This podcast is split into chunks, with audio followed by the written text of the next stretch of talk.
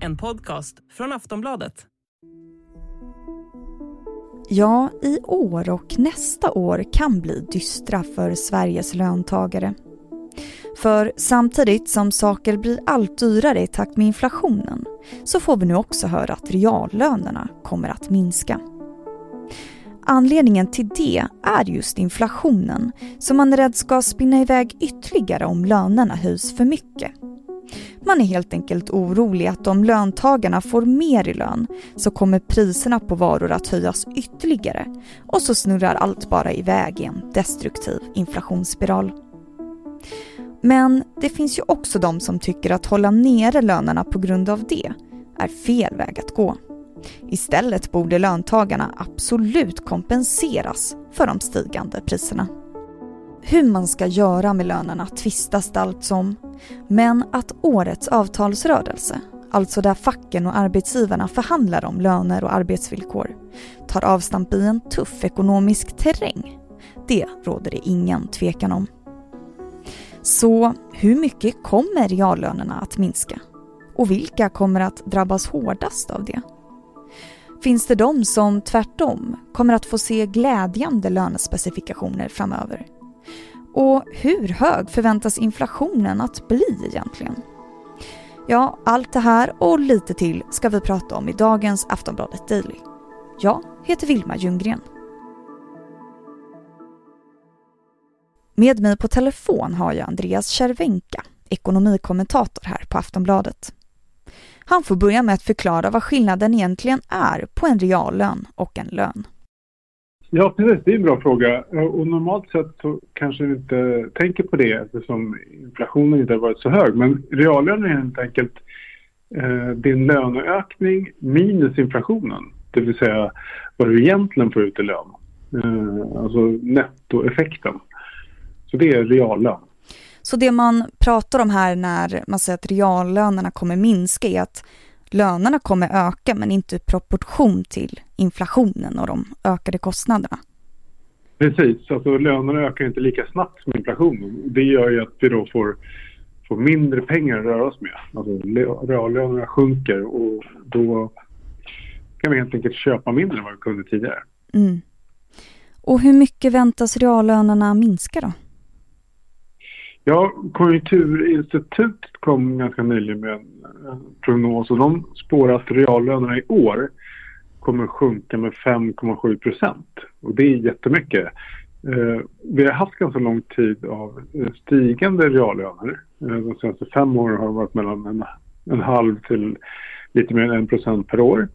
Eh, men det här jättestora tappet då 5,7 procent i år så tror man att de ska falla med 3,3 procent nästa år. Det gör att ganska många år av reallöneökningen har liksom försvunnit. Mm.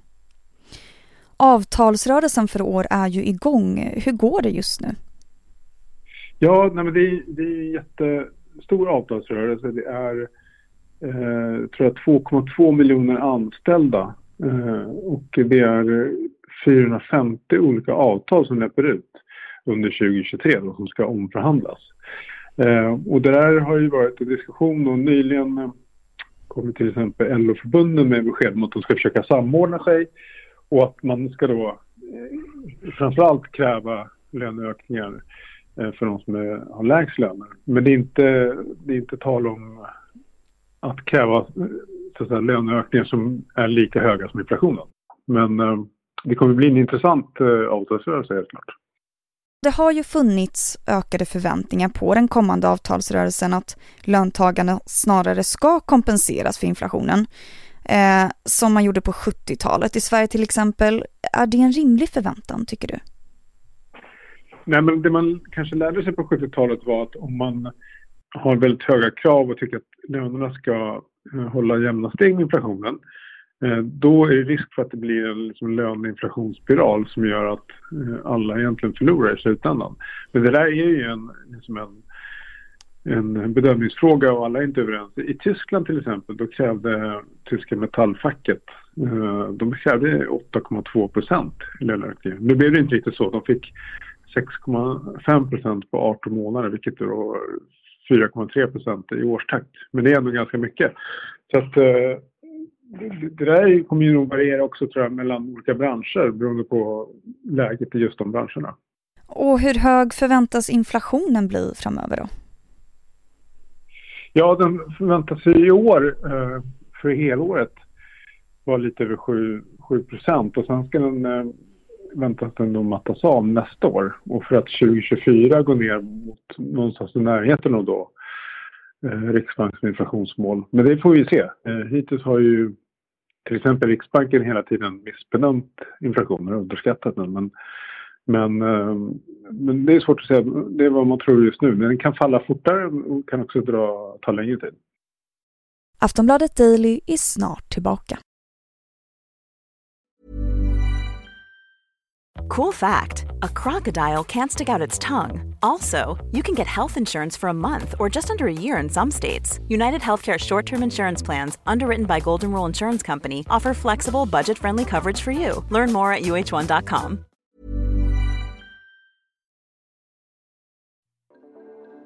Att reallönerna sänks drabbar ju givetvis alla olika.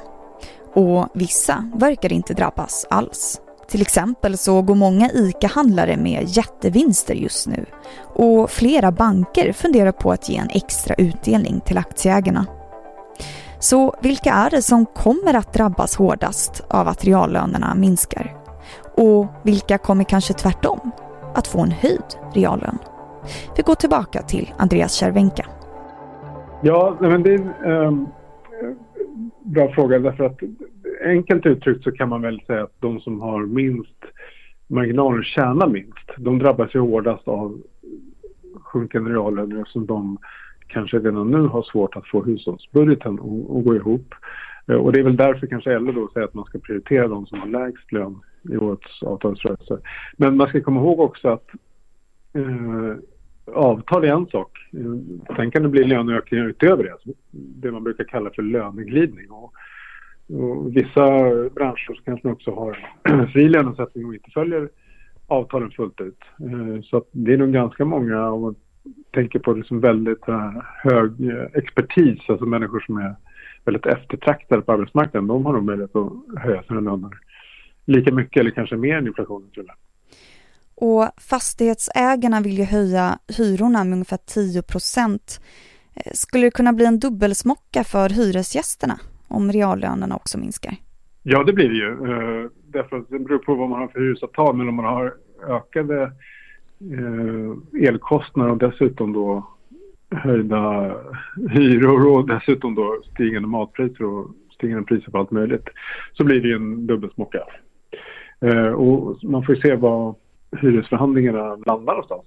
Men man kan komma ihåg, till exempel så är det så att om man tittar på många, de som hyr lokaler alltså kommersiella lokaler, och det kan ju även vara till exempel kommuner som hyr skollokaler och annat, då är det oftast inskrivet i hyreskontrakten att eh, hyran ska följa konsumentprisindex. Så det kommer att bli rejäla hyreshöjningar för dem. Eh, men när det gäller bostäder får man nog rikta in sig på att det kommer att bli också en höjning. Hur mycket det blir är oklart, men, men rätt mycket. Mm. Vi har ju varit igenom ekonomiska kriser förr och du nämnde ju lite där att vi lärt oss något från hur man gjorde i Sverige på 70-talet. Eh, men vi har ju också haft finanskrisen på 90-talet. Kan vi dra någon annan lärdom ifrån den? Ja, det var väl just vad man lärde sig under åren upp till den krisen. För under slutet på 80-talet hade vi just den här väldigt liksom, höga löneökningstakten och inflationstakten och då väldigt höga räntor. Eh, och det slutade ju inte bra. Eh, och inte för någon egentligen. Så, så det är väl de ärren som man fortfarande har kvar lite grann som man tar med sig i den här eh, lönerörelsen. Men man ska komma ihåg att eh, det handlar ju då att de, de som facken och, och löntagarna ska ta ansvar egentligen för samhällsekonomin. Så kommer det nog vara ganska höga krav på att alla gör det, inklusive då företagsledningar och eh, politiker. Och det har vi sett debatten den senaste tiden med eh, kommuntoppar som beviljar sig löneökningar och då eh, före detta ministrar som plockar ut fallskärmar. Så att den debatten tror jag kommer vara ganska, ganska aktiv. Och i slutet av nästa år så tror Konjunkturinstitutet att inflationen kommer att närma sig Riksbankens mål. Vad tror du om det? Det är väldigt svårt att säga därför att det handlar mycket om att um, det man egentligen försöker göra nu från Riksbankens uh, sida är att uh, liksom lite grann knäcka konjunkturen. Att, att uh, få hjulen att snurra långsammare i ekonomin och på det sättet få ner priserna. Eh, sen är det inte allt man har kontroll över. Man kan inte kontrollera liksom energimarknaden och så. Men det är det man försöker göra. Och sen hur det snabbt det slår igenom, det, det återstår att se. Eh, man ska komma ihåg att eh, vi har ju haft ganska gott om pengar eh, efter pandemin och det har också gått väldigt bra för företagen. Och det har ju varit en förutsättning för att man ska kunna liksom föra över prisökningar på kunderna. Och tittar man till exempel på liksom andelen som går till vinster i företagen så har de gått upp på väldigt höga nivåer det senaste året och i början på det här året. Så att eh, företagen har ju varit ganska duktiga generellt sett på att rulla över kostnaderna på, på kunderna. Mm. Så hur tufft tror du att det kommer bli för de svenska löntagarna här framöver? Ja, men det här är ju en eh, jättestor eh, smäll att få den här typen av ja, sjunkande levnadsstandard helt enkelt. Eh, och det ser vi redan nu, det påverkar konsumtionen och det är liksom attackerar på flera fronter samtidigt. Högre elpriser, högre räntor, eh, högre priser på, på, mat, sjunkande bostadspriser, sjunkande börs. Så det, det, är klart att det är tufft. Hur vi kommer klara det? Ja, det är vi mitt uppe i det så att det återstår att se. Men det är ju rätt mycket som tyder på att nästa år kommer ett väldigt uh, svårt år ekonomiskt. Så nästa år blir tuffare än vad det varit det här året? Eh, jag skulle tro det, därför att det, det, tar ett tag innan det slår igenom. Tittar man till exempel på um, boräntorna så är det många ändå som har haft bundna räntor så det har inte, de här räntehöjningarna har inte slagit igenom för alla. Det, men det kommer kanske mer under nästa år. Uh, så att jag tror att, och det tar också ett tag innan det sjunker in eh, att det i Sverige ser ut. Så att, uh, jag tror det mesta pekar på att ehm, det blir väldigt tufft nästa år. Men sen får vi se hur det går 2024. Du har lyssnat på Aftonbladet Daily med Andreas Cervenka, ekonomikommentator här på Aftonbladet. Jag som har gjort det här avsnittet heter Vilma Ljunggren och tack för att du har lyssnat.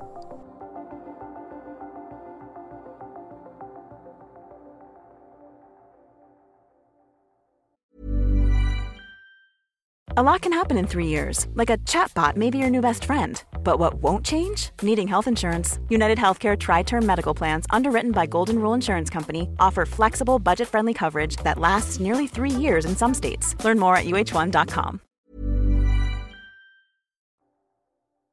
Du har lyssnat på en podcast från Aftonbladet. Ansvarig utgivare är Lena K Samuelsson. Tired of ads barging into your favorite news podcasts? Good news. Ad-free listening is available on Amazon Music for all the music plus top podcasts included with your Prime membership. Stay up to date on everything newsworthy by downloading the Amazon Music app for free or go to amazon.com slash news ad free. That's amazon.com slash news ad free to catch up on the latest episodes without the ads.